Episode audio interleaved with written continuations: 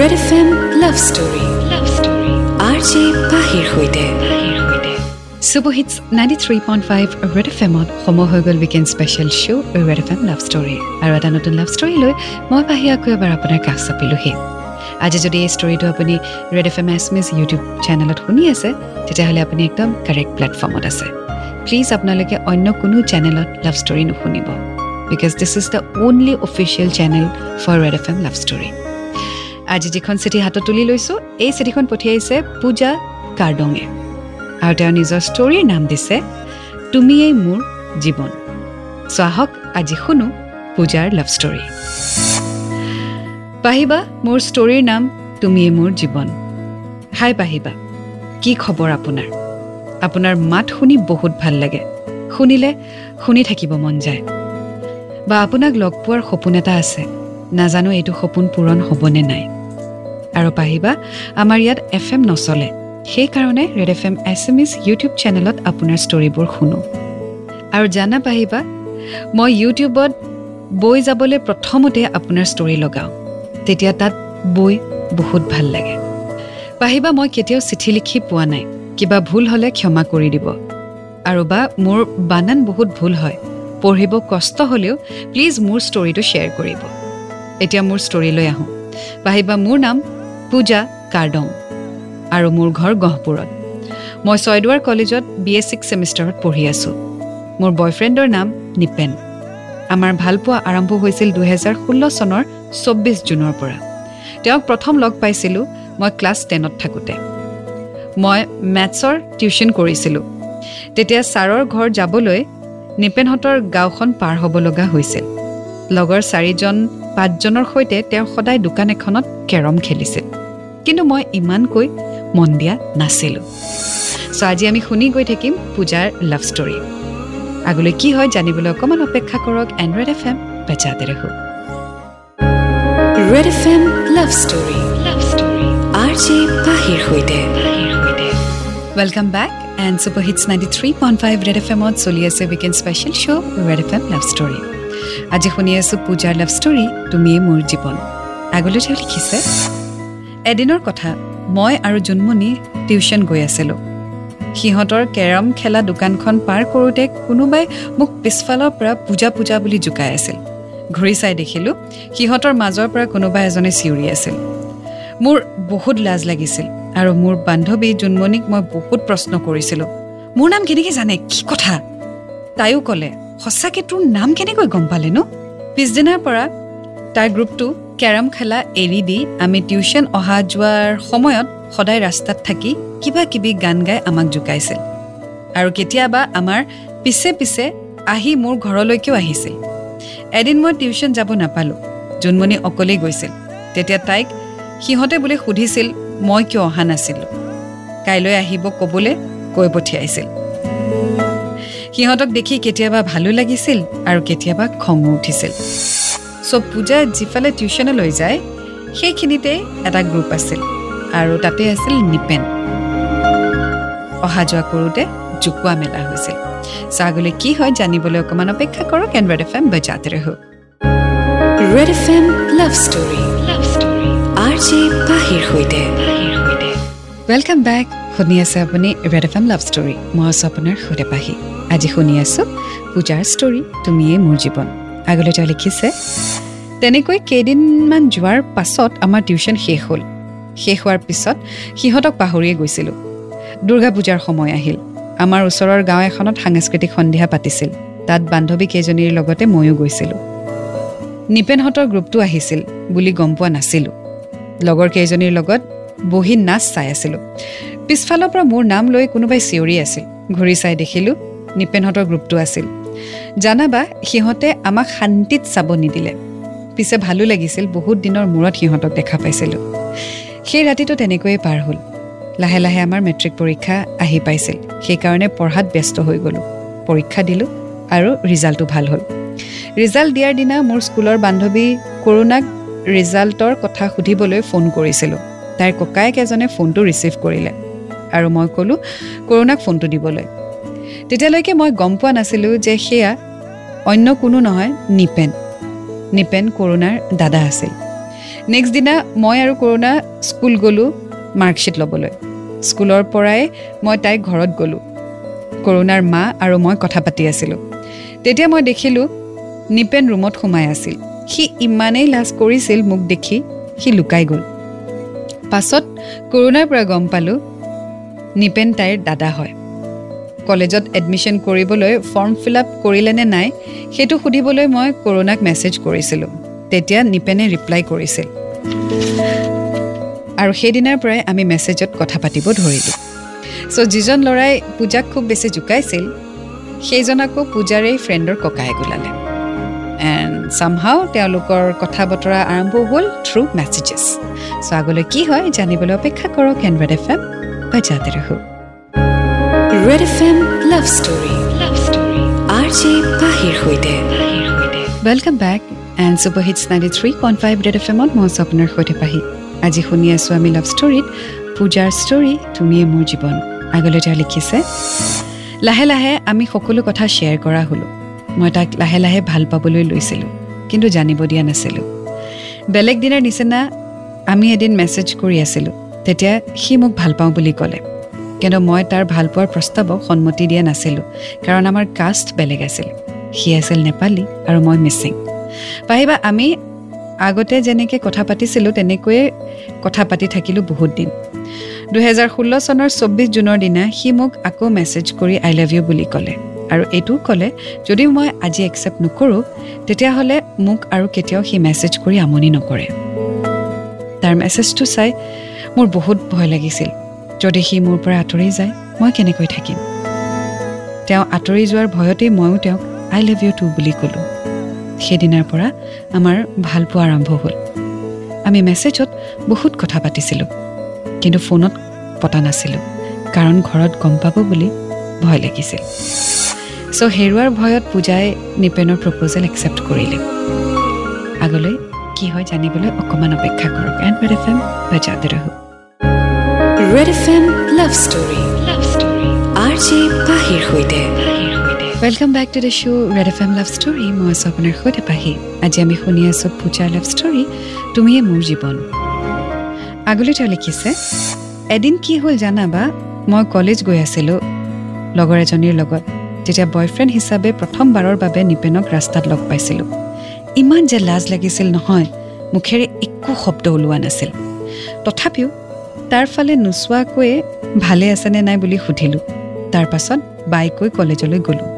আমি মাজে সময়ে লগ কৰিছিলোঁ। ভাল বেয়াৰ মাজত আমাৰ সম্পৰ্কটো এক বছৰ সম্পূৰ্ণ হ'বলৈ মাজত ছটা দিন আছিল। কিন্তু দুহেজাৰ সোতৰ চনৰ ষোল্ল জুনত সি ভাৰতীয় সেনাত জইন কৰিবলৈ বানাৰসত যাবলগীয়া হ'ল। সন্ধিয়া পাঁচমান বজাত সি ঘৰৰ পৰা ওলাই গাড়ীত উঠি মোক ফোন কৰিলে। বা মই বহুত কান্দিলোঁ ফোনত কথা পাতি। মোৰ বহুত দুখ লাগিছিল কাৰণ মোৰ পৰা ইমান দূৰত যোৱাটো মই সহ্য কৰিব পৰা নাছিলোঁ। ট্ৰেইনিঙত জইন কৰাৰ পাছত আমি কথা পাতিব পোৱা নাছিলোঁ। কেতিয়াবা এক সপ্তাহ আৰু কেতিয়াবা এক মাহৰ পাছত কথা পাতিব পাইছিলোঁ। এইটো দহ পোন্ধৰ মিনিটৰ কাৰণেহে মাত্ৰ কথা পাতিব পাইছিলোঁ। যেতিয়া সি ফোন কৰে মই তেতিয়া কান্দি কওঁ মই আৰু এনেকৈ কথা পাতিব নোৱাৰোঁ। কি কৰিম বা? বেলেগ উপায়ো নাছিল। সি মোক বহুত বুজায়।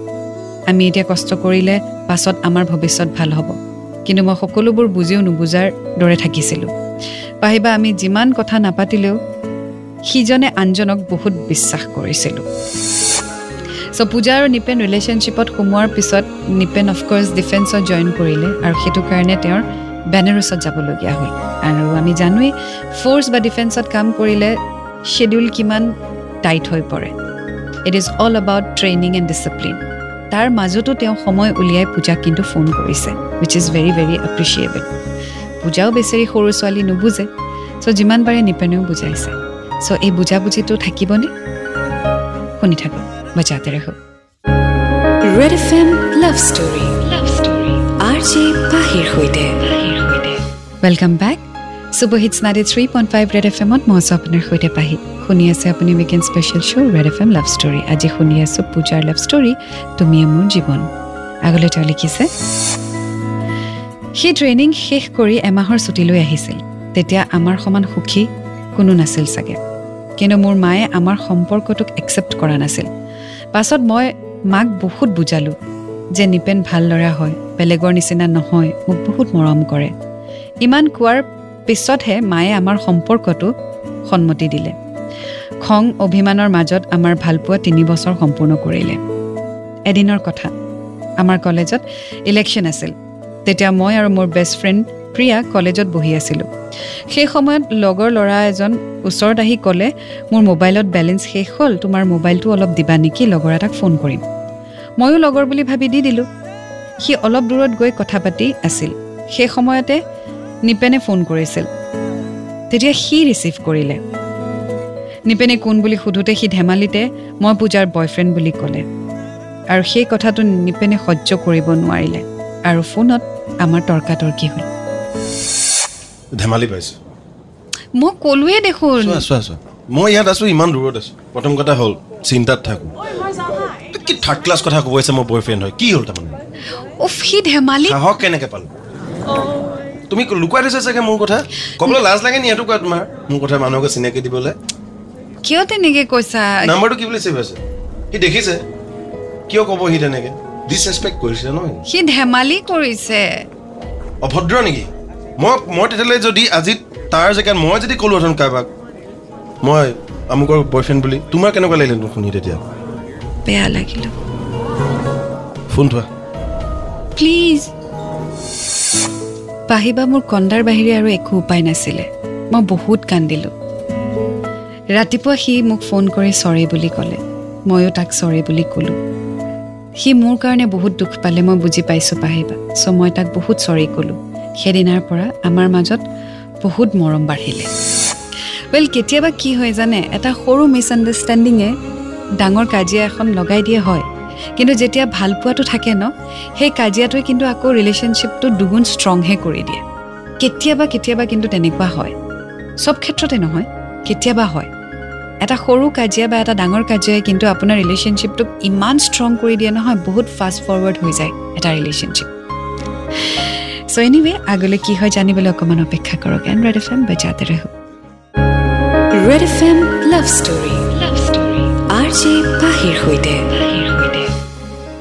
Super hits ninety three point five Red F এমত মই সৈতে পাহি আৰু আপুনি শুনি আছে weekend special show' Red F M love story আজি শুনি আছোঁ পূজাৰ লাভ ষ্টৰী তুমিয়ে মোৰ জীৱন।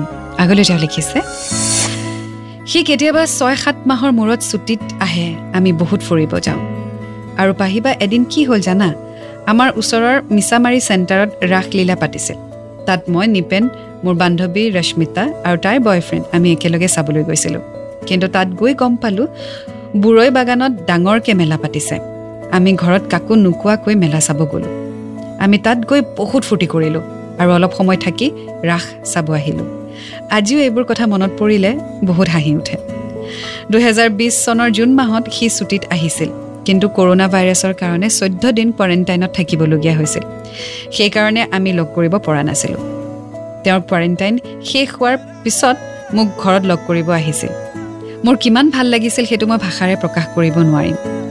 আগষ্টৰ তেইছ তাৰিখ সি আৰু মই কিবা কামত চেণ্টাৰ গৈছিলোঁ। তাৰ পৰা বাহিৰে বাহিৰে সি মোক ঘৰত এৰিব আহিছিল। অলপ সময় আমাৰ ঘৰত বহি সি ঘৰলৈ বুলি ওলালে। কিন্তু বা অলপ পিছত গাঁৱৰে খুৰী এজনী দৌৰি আহি মোক ক'লে পূজা তোমাৰ ঘৰত যে ল'ৰা এজন স্কুটি লৈ আহিছিলে নহয় তাৰ এক্সিডেণ্ট হ'ল। কথাটো শুনি মই একো ক'ব নোৱাৰিলোঁ। বা কেনেকৈ তাৰ ওচৰত গৈ পালোঁ গমেই নাপালোঁ। তাক দেখি ইমান যে ভয় লাগিছিল নহয় বহুত কান্দিলোঁ। আমাৰ ঘৰলৈ তাক যেনে তেনে লৈ আনিলোঁ আৰু তাৰ ঘৰত কান্দি কান্দি ফোন কৰি কথাখিনি জনালোঁ। তাক হস্পিটেলত লৈ যাবলৈ গাড়ী মাতি পঠিয়ালোঁ আৰু সেইটো সময়ত তাৰ ঘৰৰ মানুহ আৰু লগৰবোৰো আহি পালে। দাদা আৰু খুৰাহঁতে হস্পিটেলত লৈ গ'ল। সন্ধিয়া কৰোণাক মই ফোন কৰি নিপেনৰ খবৰ সুধিলোঁ। তাই ক'লে ডাক্তৰে চাই আছে পাছত গম পালে তোমাক ক'ম। ৰাতি নিপেনে মোক ফোন কৰিলে। আৰু ক'লে? হ'ব এতিয়া ইমান চিন্তা কৰি থাকিব নালাগে। হ'ব সোমাথোনত দুখ পাইছ কিবা ভাঙিছে বুলি হ'ব হ'ব হ'ব। এতিয়া আছোঁ ন মই ইয়াতে থাকিম। একেবাৰে ঠিক হৈহে মই যাম। তিনিমাহমান ছুটি পাইছোঁ তিনিমাহমান। ট্ৰেইনিং তাৰ পাছতে হ'ব। হ'ব তুমি এনেই কান্দি থাকিলে মোৰ ইয়াত আৰু বেয়া লাগিব। সাহস দিয়া। ভালকে থাকিবা। তুমি আহিবা লগ কৰিবলৈ। কাইলৈ। ঠিক আছে। হ'ব তোমালোকে শুই যোৱা এতিয়া। তাৰ পিছদিনাখন মই তাৰ ঘৰত গৈ তাক লগ কৰি আহিলোঁ। ৱেল আনফৰ্চুনেটলি এটা এক্সিডেণ্ট ফেচ কৰিবলগীয়া হ'ল নিপেন। এনিৱে চিঠিখনৰ আমি অন্তিম পৰ্যায়লৈ আহি পাইছোঁহি। শেষত আৰু কিছু কথা লিখিছে শ্বেয়াৰ কৰিম। ৰেড এফ এম বেজাতে ৰহো। Red F M love story love story R J পাহিৰ সৈতে। ৱেলকাম বেক শ্ব' চলি আছে weekend special Red F M love story আৰু মই আছোঁ আপোনাৰ সৈতে পাহি। শুনি আছোঁ পূজাৰ ষ্টৰী তুমিয়ে মোৰ জীৱন। শেষত তেওঁ লিখিছে এক মাহমানৰ পাছত অলপ ভাল হৈ ইউনিটত আকৌ জইন কৰিব গ'ল সি তিনি চাৰি মাহৰ পাছত ভালকৈ ভাল হৈ অলপ অলপকৈ কাম কৰিব পৰা হ'ল বুলি কৈছিল। এতিয়া হাতখনত একো প্ৰব্লেম নাই বোলে। এইটো এটা কথা শুনি বৰ ভাল লাগিল। পাহিবা আমাৰ ভালপোৱা এতিয়া ছয় বছৰ চলি আছে। আমি সৰু সৰু কথাত বহুত কাজিয়া কৰোঁ কিন্তু খংটো বেছি সময় নাথাকে। অলপ সময় কথা নপতাকৈ থাকি আকৌ ফোন কৰি ইজনে আনজনক চৰে বুলি ক'ম আৰু এদিন কাজিয়া নকৰিলে কওঁ আজি দেখোন আমি কাজিয়া কৰা নাইও পাহিবা দুহেজাৰ বাইছ চনৰ শেষৰ ফালে আমি বিয়াত বহিম বুলি ভাবিছোঁ। বা আপুনি আমাক আশীৰ্বাদ কৰিব যাতে আমি সোনকালে এক হ'ব পাৰোঁ। পাহিবা আপুনি নিপেনক ক'বচোন বেছি খং নকৰিবলৈ। আপোনাৰ জৰিয়তে মই ইয়াকে ক'ব বিচাৰোঁ। মই তোমাক বহুত ভাল পাওঁ জানো। এয়া আছিল মোৰ লাভ ষ্টৰী পাহিবা। শেষত আপোনালৈ থেংক ইউ ছ' মাছ ইমান ধুনীয়া অনুষ্ঠান আমাক আগবঢ়োৱাৰ কাৰণে। ইটি আপোনাৰ মৰমৰ ভণ্টি Puja. Well thank you so' much Puja. তুমি তোমাৰ লাভ ষ্টৰী আমাৰ সৈতে শ্বেয়াৰ কৰিলা। আশা কৰোঁ তোমালোকৰ সোনকালে বিয়া হওক। দুয়োটাৰে মৰম ভালপোৱা সন্মান এনেদৰেই থাকক। আৰু ছেফটি পাৰ্পজ আৰু পাৰ্চনেল ছেফটিৰ বাবে আমি তোমাৰ পাৰ্টনাৰৰ নাম সলনি কৰি দিছোঁ। চ' দুয়োকে অল দ্য বেষ্ট থাকিলে। আৰু দুহেজাৰ বাইছৰ শেষত বিয়া হ'ব বুলি কৈছা মানে এইটো বছৰেই। গতিকে বিয়াত নিমন্ত্ৰণ দিবা বুলি আশা কৰিলোঁ। Wish you all the best and all the happiness in life well আকৌ লগ পাম এটি নতুন লাভ ষ্টৰীৰ সৈতে। Until then to fall in love it's a great feeling you will get to learn a lot and always remember I love you Red F M বজাতে ৰহো